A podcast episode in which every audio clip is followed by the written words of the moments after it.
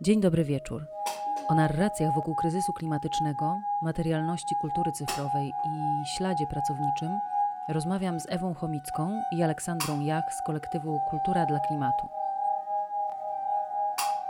Podcast Delfin w Malinach. Najnowsze obyczaje z domu i z obejścia. Tej strony Agnieszka Słodownik, redaktorka w magazynie kulturalnym dwutygodnik.com. W dwutygodniku mieliśmy ostatnio kilka tekstów o emocjonalności wokół klimatycznej.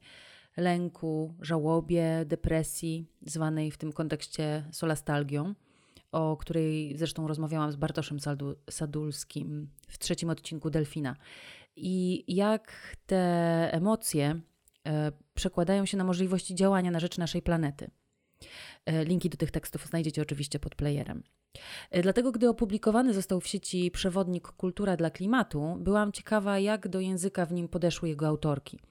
Od tego właśnie wątku rozpoczyna się moja rozmowa z Ewą Chomicką i Aleksandrą Jach, e, dwiema z dziewięciu autorek przewodnika dla instytucji i ludzi kultury, która ma pomóc w ekologizacji kultury i sztuki. Ewa Chomicka na co dzień pracuje w Muzeum Polin, w którym kieruje laboratorium praktyk muzealnych. Jest antropolożką kultury, polonistką, muzealniczką i kuratorką sztuki współczesnej. Aleksandra Jach jest autorką świetnej multimedialnej opowieści Zakopane Słońce o problemach transformacji energetycznych. Jest historyczką sztuki, kuratorką, facylitatorką, coacherką, edukatorką. Pod koniec odcinka niespodzianka którą podesłał nam felietonista dwutygodnika, Maciej Sieńczyk, który jak się okazuje nie tylko pisze i rysuje, ale także śpiewa.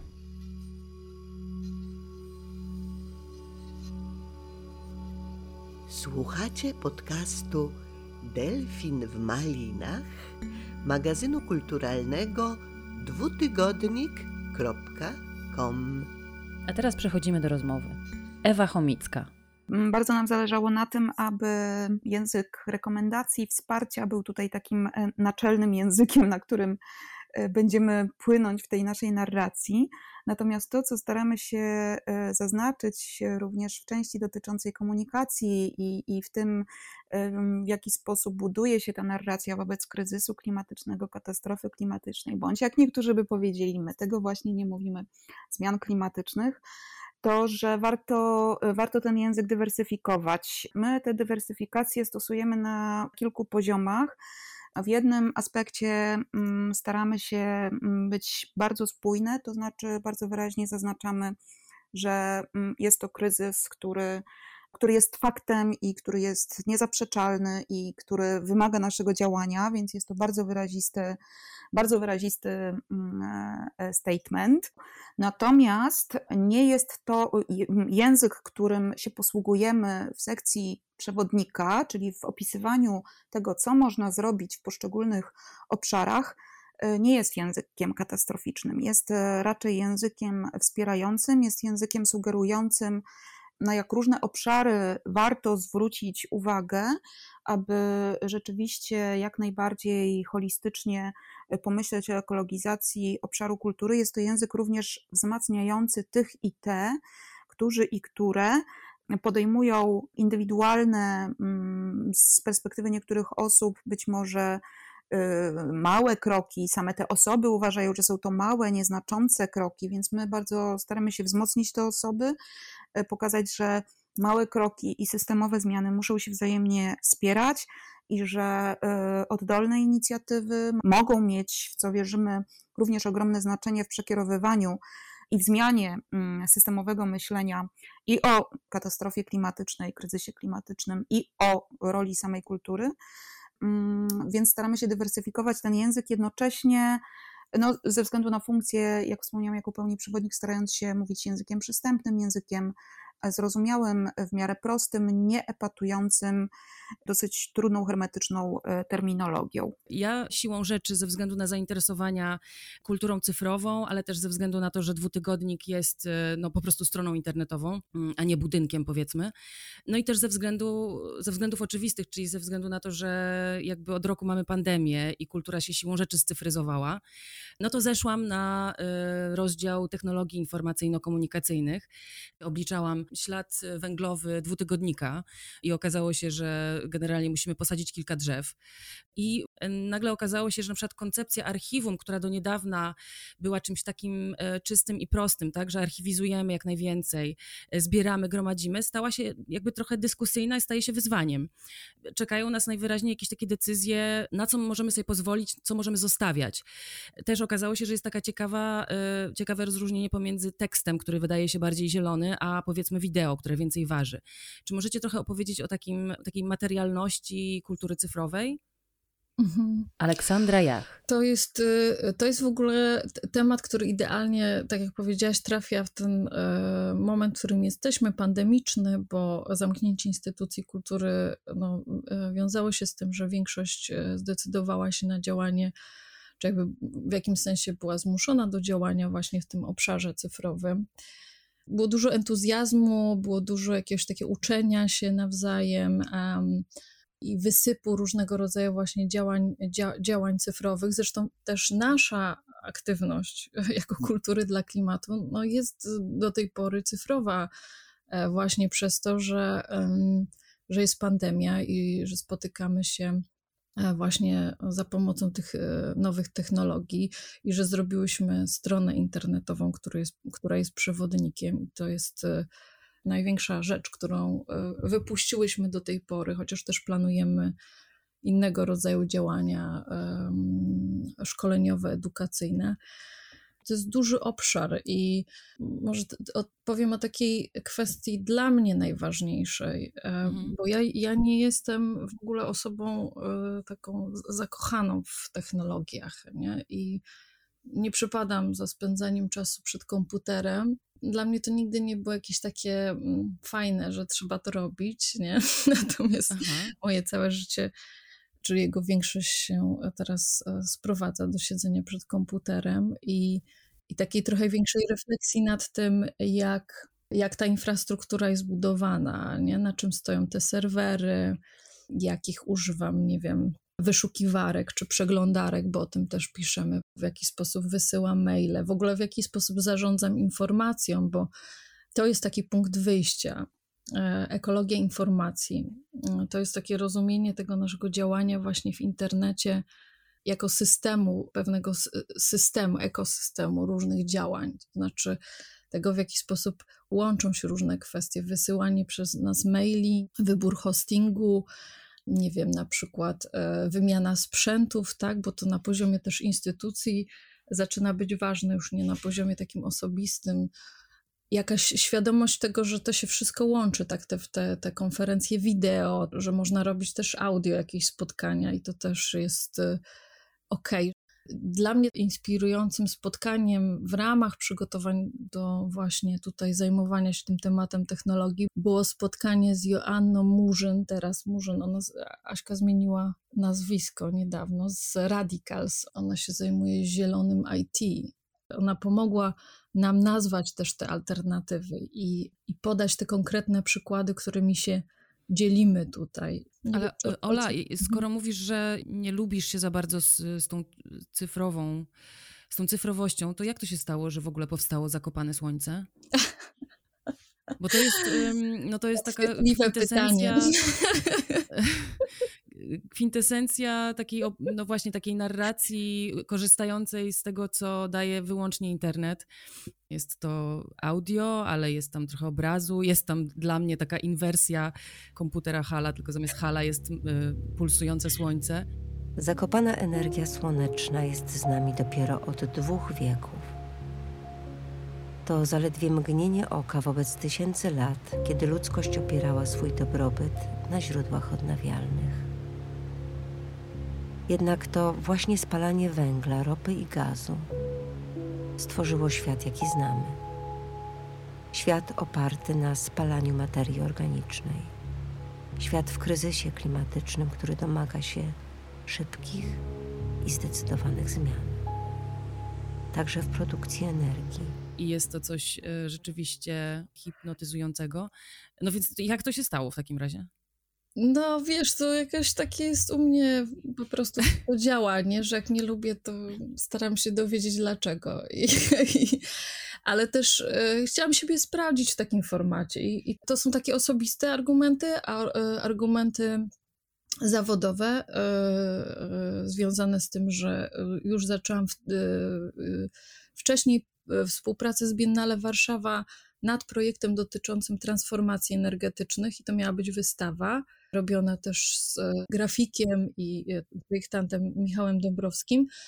To było z takiego poziomu adekwatności E, zobaczmy, co jest adekwatne w, w tym momencie, czego ludzie mogą potrzebować, czego też my możemy spróbować, e, żeby się nauczyć jakichś nowych rzeczy. Wróćmy może do przewodnika. Piszecie w nim o śladzie pracowniczym. Ostatnio, jak miałam taki odcinek podcastu, w którym rozmawiałam o wypaleniu aktywistycznym, to tam pojawiła się taka koncepcja, że traktujemy ciało i nasze zasoby trochę tak jak traktujemy planetę, czyli eksploatujemy je i jakbyśmy nie widzieli końca. Macie różne polecenia w przewodniku, jak sobie z tym radzić, jak dbać o zespół, jak dbać o relacje. Zastanawiam się, jak e, wyglądała Wasza praca nad przewodnikiem. To było dziewięć osób. Teraz jeszcze ten rok pandemii, to niczego nie ułatwia. Co stanowiło trudność, żeby jakby być spójnymi z tymi zaleceniami, które same publikujecie? Czy się Wam udawało? No, największym wyzwaniem chyba był czas, w jakim e, realizowałyśmy ten przewodnik, ponieważ tak naprawdę nasza inicjatywa jest dosyć młoda. Skrzyknęłyśmy się jako kolektyw, chyba jakoś tak powiedziałabym, rok temu. Każda z nas przybyła e, z innego obszaru. Każda z nas miała wcześniej już swoje E, doświadczenia związane z pracą na rzecz klimatu, połączenia klimatu i obszaru kultury. Ja z obecną tu Olą, z jeszcze jedną Olą, i, e, czyli Olą e, Janus i, i Zizą Kaszyńską wcześniej stworzyłyśmy taką um, otwartą grupę roboczą um, Muzea dla Klimatu, która działa sobie na um, Facebooku i zrzesza osoby E, zainteresowane tym tematem, ponieważ jakiś, jakiś czas temu wszystkie uczestniczyłyśmy w takiej jednej dyskusji, podczas której zorientowałyśmy się, że, że mamy taki bardzo duży poziom dysatysfakcji związany z tym, w jaki sposób toczy się dyskusja o wpływie kultury na klimat i że bardzo, bardzo ciężko jest nam wszystkim praktykom, praktyczkom przebić tę bańkę dyskusji teoretycznej i sprowadzić ją na, taką, na taki poziom po prostu e, codzienności, bardzo praktycznej wiedzy. Dzięki właśnie tamtej inicjatywie skrzyknęło się dodatkowo e, szersze środowisko tworzone przez w tym konkretnym momencie, być może to się zmieni wkrótce, przez same kobiety pracujące w instytucjach kultury w Warszawie, w organizacjach e, kulturalnych. Mamy też niezależne kuratorki, działaczki kultury, ale też współpracuje z nami osoba, która na co dzień związana jest z samorządem. Czułyśmy, że trzeba mm, znowu jeszcze przepchnąć to na kolejny poziom praktyki. I właśnie przygotowania takiego bardzo konkretnego pomocnika, no, pomocniczka, który tym osobom, które gdzieś poszukują, potrzebują e, wiedzy, żeby, żeby miały jedno miejsce, do którego mogą sięgnąć, niekoniecznie wspierać się y, jakimiś po prostu trwającymi 100 y, tysięcy lat poszukiwaniami, bo też bardzo wiele mm, źródeł jest po prostu niewiarygodnych. Trzeba się przedrzeć przez dosyć spore, spory taki ekośmietnik, powiedziałabym, jeżeli się poszukuje rzetelnej wiedzy i rzetelnych danych. Dosyć dużo czasu spędziłyśmy na tym, by E, e, wymieniać się tą wiedzą, by, by wspólnie ją sobie e, mapować, by też się wzajemnie korygować, ponieważ mamy świadomość, że w niektórych aspektach te, te, nasze indywidualne doświadczenia mogą być tak po prostu mocne i silne, że, że niekiedy tracą walor takiej obiektywnej wiedzy, że bardziej są gdzieś w emocjach. Udało się nam, uważam, ocalić te, te rzeczy, które są związane z takimi mm, wartościami w tle, które z naszej perspektywy są niezwykle ważne, czyli wzajemna troska, wzajemne wsparcie, danie przestrzeni na, na wątpliwości, dylematy i na taką wzajemną opiekę w poszukiwaniu e, rozwiązań.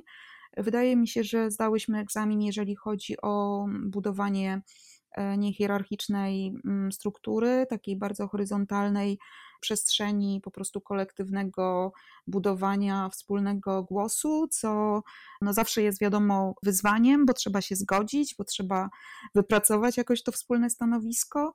Natomiast nie udało się nam, ja przynajmniej, bo, bo, nie wiem, czy to jest głos całej grupy, ale mi na pewno nie udało się y, uniknąć tego zagrożenia, które jest związane z nadprodukcją i z taką troską o, o samego bądź o samą siebie, ponieważ y, no co tu dużo mówić, ja pracuję etatowo gdzie indziej.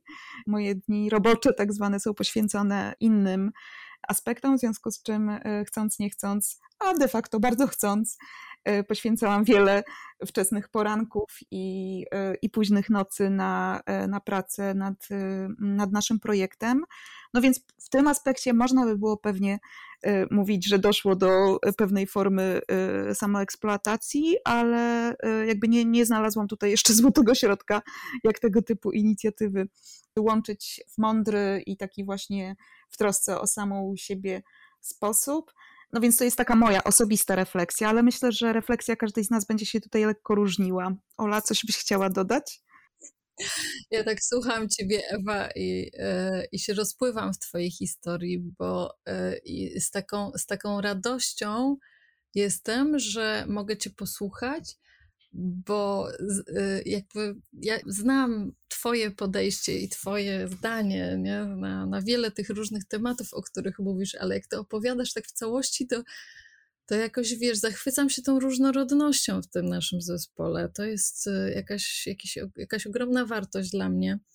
Ty powiedziałeś takie dwie dla mnie osobiście ważne rzeczy, czyli y, że ta grupa, ten zespół jest oparty na trosce i takim rozwiązywaniu problemów, podejmowaniu się różnych rzeczy razem właśnie. Znaczy, I ta niehierarchiczność, y, o której właśnie mówiłaś, też jest tak przez nas rozumiana, że to nie jest y, tak, że role są rozdane i że każda ma jakąś już zdefiniowaną pozycję u nas i nie może jej zmienić przydzieliłyśmy sobie jakieś role, potem je e, trochę modyfikowałyśmy. Teraz jesteśmy na takim etapie, kiedy będziemy rozmawiać o tym, co się wydarzyło, bo zdajemy sobie sprawę z tego, że przy, przy takich projektach jak nasz i przy, przy takich zamierzeniach, no jakby jest duże ryzyko właśnie wypalenia i takiego. Mm, jechania na entuzjazmie, co moim zdaniem zawsze jest niebezpieczne, nie? bo jakby jak się jest rozentuzjazmowaną,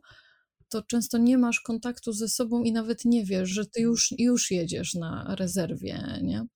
a potem się robią e, z tego jakieś y, trudne sytuacje.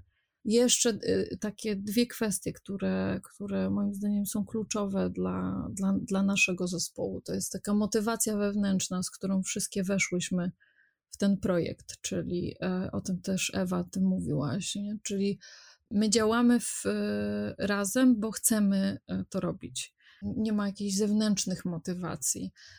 Ponieważ ta, ta wewnętrzna motywacja jest silna, no to też bierzemy za nią odpowiedzialność. Chcemy być sprawczy, chcemy ją jakoś zdefiniować, chcemy zdefiniować siebie same właśnie w tym, zespole i w tych rolach, więc dbamy o to, jak my chcemy działać z innymi, jak chcemy, żeby inni, e, nie wiem, e, odpowiadali na nasze potrzeby i chce, jakby bierzemy odpowiedzialność za całość, za całość i za siebie w tym wszystkim. Ta druga rzecz, ostatnia, no to jest kwestia dojrzałości dużej, bardzo takiej. Dla mnie to jest też fascynujące, bo to jest pierwszy zespół dla mnie tego typu, e, z którym pracuję, osób, które mają bardzo rozwinięte kompetencje takie komunikacyjne czy społeczne, tak to ogólnie nazwę. E, w związku z czym te rozmowy o komunikacji, o tym, jak omówić pewne rzeczy, nie wiem, jak działać, to wszystko jest przestrzeń na to. To nie znaczy, że nie wiem, nie było jakichś napięć, nieporozumień i tak dalej, bo to nie jest jakaś bajka o, o kopciuszku, bo były, były różne momenty, natomiast właśnie z, yy, potraktowane z taką dojrzałością i, i, i właśnie empatią, której Ewa mówiła, e, no one, one nie były takie straszne, tak? bo one były do przejścia, one były raczej traktowane jako coś, na czym można się nauczyć. To to mamy jakby z jednej strony spektrum, a z drugiej strony mamy y, duże instytucje molochy. Y, I tu Ewa, a propos etatu, jakbyś mogła opowiedzieć o tym, jak duże instytucje mają się zabrać do tego, co postulujecie w przewodniku. Y, jakbyś mogła opowiedzieć o koncepcji kroków y, w waszym przewodniku? No właśnie, cała, miałyśmy taką dosyć sporą rozkminkę w naszym zespole, w naszym kolektywie, w jaki sposób, w jaki sposób stworzyć ten przewodnik, żeby on miał jakby naj, jak największą siłę rażenia. Chodziło nam o to, żeby żeby każdy i każda, kto działa w obszarze kultury, czy jako indywidualny twórca, indywidualna twórczyni, czy jako, nie wiem, pracownik, pracowniczka NGOsa, czy jako artysta, artystka, czy właśnie jako pracownik y, instytucji kultury i to niezależnie od zajmowanej pozycji w tejże instytucji. Nie, nie mówię teraz nawet o hierarchii, tylko o obszarze odpowiedzialności, czy to jest obszar programowania, czy jest to obszar administracyjny, żeby po prostu w miarę możliwości jak najszerzej pokazać to uwikłanie kultury w różne decyzje, które mają wpływ na ślad węglowy, mają wpływ na to, w jaki sposób my prosperujemy, również jako część tego ekosystemu, mówimy jako e, ludzie, jako zespoły, jako organizmy. To oddziaływanie instytucji, po pierwsze, ma ogromny potencjał, nie do końca uświadamiany, czasami nie do końca wykorzystywany w obszarze dyskusji o kryzysie klimatycznym. Z całą pewnością w Polsce jest on jeszcze niewystarczająco wykorzystywany. No i, no i stwierdziłyśmy, że, że właśnie wskazanie, w jaki sposób można przeprowadzić taką zmianę w najbardziej skomplikowanym organizmie, y, jeżeli chodzi o organizację kultury, za jaki uznajemy, nie wiemy czy słusznie, czy niesłusznie, takie są nasze doświadczenia, y, instytucje kultury, że będzie to mm, wtedy sprawiało, że każdy, każda właśnie, niezależnie od tego, czy funkcjonuje w aż tak skomplikowanych strukturach, czy być może funkcjonuje w prostszych, być może nie obowiązuje go bądź jej prawo przetargowe, szczęśliwy człowiek, no to żeby każdy, każdy mógł tam znaleźć dla siebie jakieś właśnie wskazówki. Kultura wpływa na klimat nie tylko w ten sposób symboliczny, poprzez który się bardzo często zwykło myśleć o kulturze, czyli oddziaływanie dyskursywne, nie wystarczy, aby kultura czy instytucja kultury podejmowała tematy ekologiczne, realizowała dyskusje, realizowała wystawy o kryzysie klimatycznym, etc., ale żeby właśnie zaświadczała swoimi działaniami, swoją autorefleksją, swoimi praktykami, że stara się te zmiany e, wprowadzać również w swoim obszarze i że działania, które są w tle, dążą do tego, by być bardziej ekologicznymi. My też bardzo wyraźnie wskazujemy, że że właśnie droga do ekologizacji to jest y, droga, tego się nie załatwi mm, magiczną różdżką w tydzień, chociaż są takie zwinne organizacje czy takie zwinne inicjatywy, które są w stanie to zrobić bardzo szybko i świetnie, bo my też możemy się od nich wszyscy i wszystkie uczyć dzięki temu, ale instytucje kultury to są ogromne yy, molochy nieraz. Zanim podniosą jedną nogę, to może trochę potrwać. Stąd ta nasza propozycja kroków, Podzieliłyśmy mm, wszystkie obszary, a jest tych obszarów 17, na trzy kroki. Od najprostszych, które są w zasięgu ręki każdego i każdej z nas, y, niezależnie od tego, jakie są rozwiązania systemowe w danym miejscu pracy, y, czy y, jest to polityka spójna czy, czy niespójna, mamy wpływ na pewne rzeczy my jako indywidualne jednostki, czy jako mm, pojedyncze zespoły, możemy wprowadzać w swojej po prostu codzienności. E, drugi krok jest już bardziej czasochłonny, wymaga działań, które e, potrzebują czasu, potrzebują jakichś szerszych dyskusji, potrzebują być może przekonania zespołu wewnątrz do wprowadzenia pewnych zmian. Natomiast trzeci krok już jest tym krokiem bardziej systemowym, wymagającym też bardzo, bardzo szerokiej e, współpracy między różnymi organizacjami, między różnymi instytucjami. Niekiedy też wymaga po prostu bardzo konkretnych nakładów finansowych, bo na przykład e, są to zmiany e, związane z infrastrukturą. Więc staramy się pokazać dzięki temu podziałowi na kroki, że niezależnie od tego, gdzie pracujesz, w jakiej organizacji czy w jakiej instytucji, nawet jeżeli nie ma jeszcze tego momentu, że nie wiem, jest jakaś próba właśnie takiej bardzo całościowej zmiany w instytucji, albo jest na przykład opór, co się zdarza, albo jest niezrozumienie, dlaczego właściwie kryzysem klimatycznym ma się zajmować nasze miejsce pracy, skoro są do tego dedykowane inne, czy NGOsy, czy organizacje narodowe, to można te zmiany e, próbować wprowadzać oddolnie i między innymi nawołujemy e, do wprowadzenia takich, takich e, horyzontalnych zespołów interdyscyplinarnych w swoich organizacjach, w swoich miejscach pracy. My nazywamy je zielonymi zespołami, ale one mogą mieć przeróżną formę i to nie muszą być nawet zespoły, to mogą być też jednostki, jeżeli są to mniejsze organizacje, które po prostu będą mapowały możliwości działania w poszczególnych instytucjach, też nazwą i, i, i, i zauważą te kroki, które już się wydarzyły, wyznaczą bardziej krótkofalowe, wyznaczą bardziej długofalowe cele dla organizacji. Bardzo mocno podkreślamy w tych naszych propozycjach, że należy oprzeć się i docenić taką praktyczną wiedzę pracowników, pracowniczek swojej organizacji, ponieważ e, to oni są w środku, to oni widzą bardzo dużo. Jest też zazwyczaj dosyć spore zainteresowanie wewnątrz instytucji czy organizacji kulturalnych tymi tematami. Jest sporo osób, które chciałyby działać, więc widzimy tutaj szansę i na takie aktywistyczne wykazanie się takich e, jednostek czy, czy zespołów, dla których te, temat, te tematy są bliskie, i na wsparcie właśnie tej oddolnej wiedzy i potrzeby systemowych zmian, do której niekiedy dyrekcje w niektórych instytucjach trzeba przekonywać bardziej, niekiedy mniej, niekiedy to sama dyrekcja chce takie zmiany wprowadzać, także te formaty działania bywają bardzo różne i naszym zdaniem powinny się wzajemnie sprzęgać i wzajemnie e, wzmacniać. I tu chyba też wracamy do tego, od czego zaczęłyśmy rozmowę, czyli do kwestii języka. Bo ja też pracowałam kiedyś w dużej instytucji kultury i jeżeli chciałam doprowadzić do realizacji wystawę, to jakby zupełnie innym językiem trzeba było rozmawiać z działem administracyjnym, zupełnie innym, z działem prawnym, z działem e, produkcji i tak dalej, i tak dalej, tak? Że jakby to było też rzeczywiście, wymagało dużych, e, dużej takiej gimnastyki na poziomie komunikacji tak, z, z ludźmi. Wy też dużo piszecie o właśnie takich, na tym podstawowym poziomie, o takim czymś, co można zrobić, czyli właśnie takiej wewnętrznej edukacji. To chyba jest bardzo ważny krok. Mhm.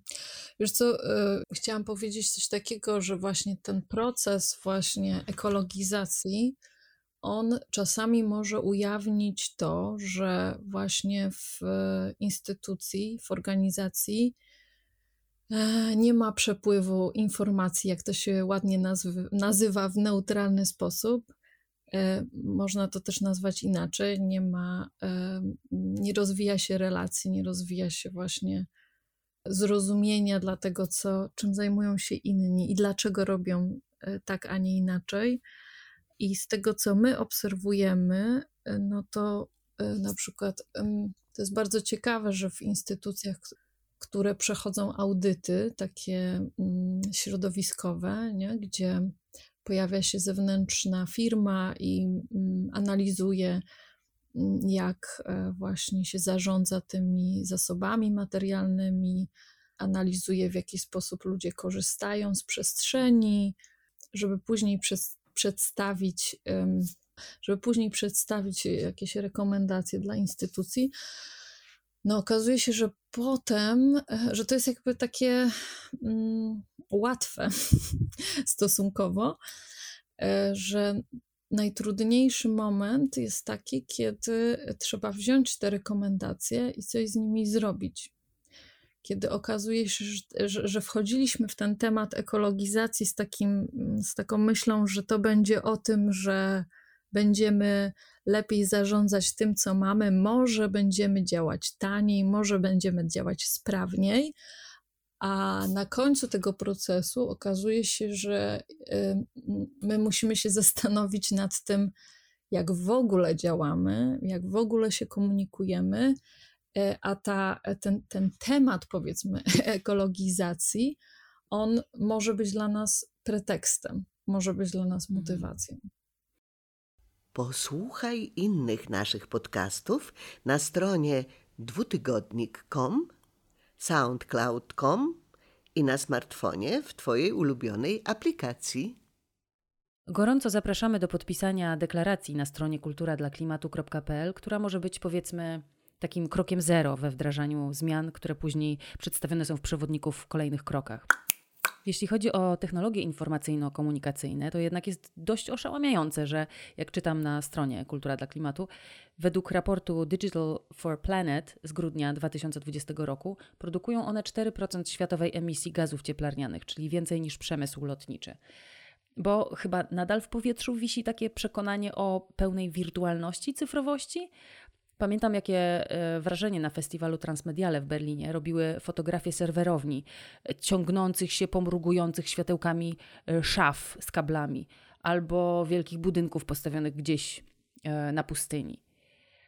Dla mnie w tym całym zazielenianiu technologii informacyjno-komunikacyjnych ważne wydają się nie tylko koszty energetyczne treści, ale też takie koszty poznawcze wynikające z zaśmiecenia poznawczego i emocjonalnego i że robią to media to jedno, ale że y, my to sobie też robimy z tymi selfikami i kotkami i też umówmy się jednak hejtowaniem, nawet jeśli to jest zawoalowane w złośliwe żarciki, y, że y, nie wiem, potrzebne są może chyba takie warsztaty z niepublikowania, z powstrzymywania się i z, i z zachowania higieny emopoznawczej. Chłop mowny, a kot łowny z głodu nie zemrą. To jak już sobie popriczowałam, to teraz część artystyczna. W kwietniu dwutygodnik obchodził 12 urodziny e, i dostaliśmy na skrzynkę niespodziewany prezent od naszego felietonisty, Macieja Sieńczyka, rysownika, autora komiksów, pisarza, a jak się okazuje także hmm, wokalisty. Oto to, co dał nam świat Krzysztofa Krawczyka w interpretacji Macieja Sieńczyka. To, co dał nam świat, niespodzianie zabrał los. Dobre chwile skradł, dając w zamian zapach przykrych trosk. To, co dał nam świat niespodzianie zabrał los. Dobre chwile skradł, dając w zamian zapach przykrych trosk. Świnka morska w agreście, a delfin w malinach od niedawna prowadzimy cykl o tekście po tekście, czyli co piątek o godzinie 15 zapraszamy na 15-minutową rozmowę z autorkami i autorami dwutygodnika o wybranym tekście. Bo zazwyczaj po publikacji jeszcze mamy wiele serca do tych tekstów. Chciałoby się przeżyć to jeszcze raz. Wszystkie dotychczasowe 15-minutówki z Dorotą Masłowską, Ulą Zajączkowską, Olgą Drędą, Konstantym Usenko, Olą Boćkowską, Michałem Wiśniewskim możecie odsłuchać i zobaczyć na naszym fanpage'u. Co tydzień polecamy Wam w mediach społecznościowych teksty z naszego bogatego archiwum. E, kiedy to mówię, na stronie dwutygodnika ukazał się 9504 tekst w ramach 306 numeru. Wybieramy dla Was najciekawsze, ważne teksty, nadal aktualne bądź pokazujące, co się zmieniło. Teraz wszystko budzi się, z ziemi wychodzi, z gałęzi. Mirabelki jak kwitną na biało, to jak w Japonii. Przepikowałam już lwią paszczę, groszek pachnący szaleje. W ogóle doniczki przejęły parapety, nie wszyscy są tym zachwyceni, ale jeszcze czekam na zimną Zośkę z sadzeniem do ziemi.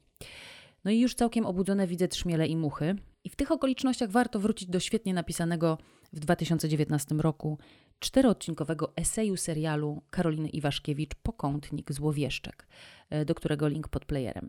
To jest wściekle inteligentne i tak dobrze opowiedziane i skonstruowane, że och. Słuchaliście podcastu Delfin w Malinach, magazynu kulturalnego dwutygodnik.com Scenariusz i realizacja Agnieszka Słodownik. Lektorka Maria Maj. Muzyka Kevin MacLeod. Redakcja dwutygodnika to Zofia Król, Paweł Soszyński, Maciej Jakubowiak, Piotr Kowalczyk, Anna Pajęcka, Agnieszka Słodownik, Jakub Socha i Paulina Wrocławska. Dziękuję Biennale Warszawa za możliwość użycia fragmentu opowieści Zakopane Słońce. Wydawca Dom Spotkań z Historią. Kwiecień 2021.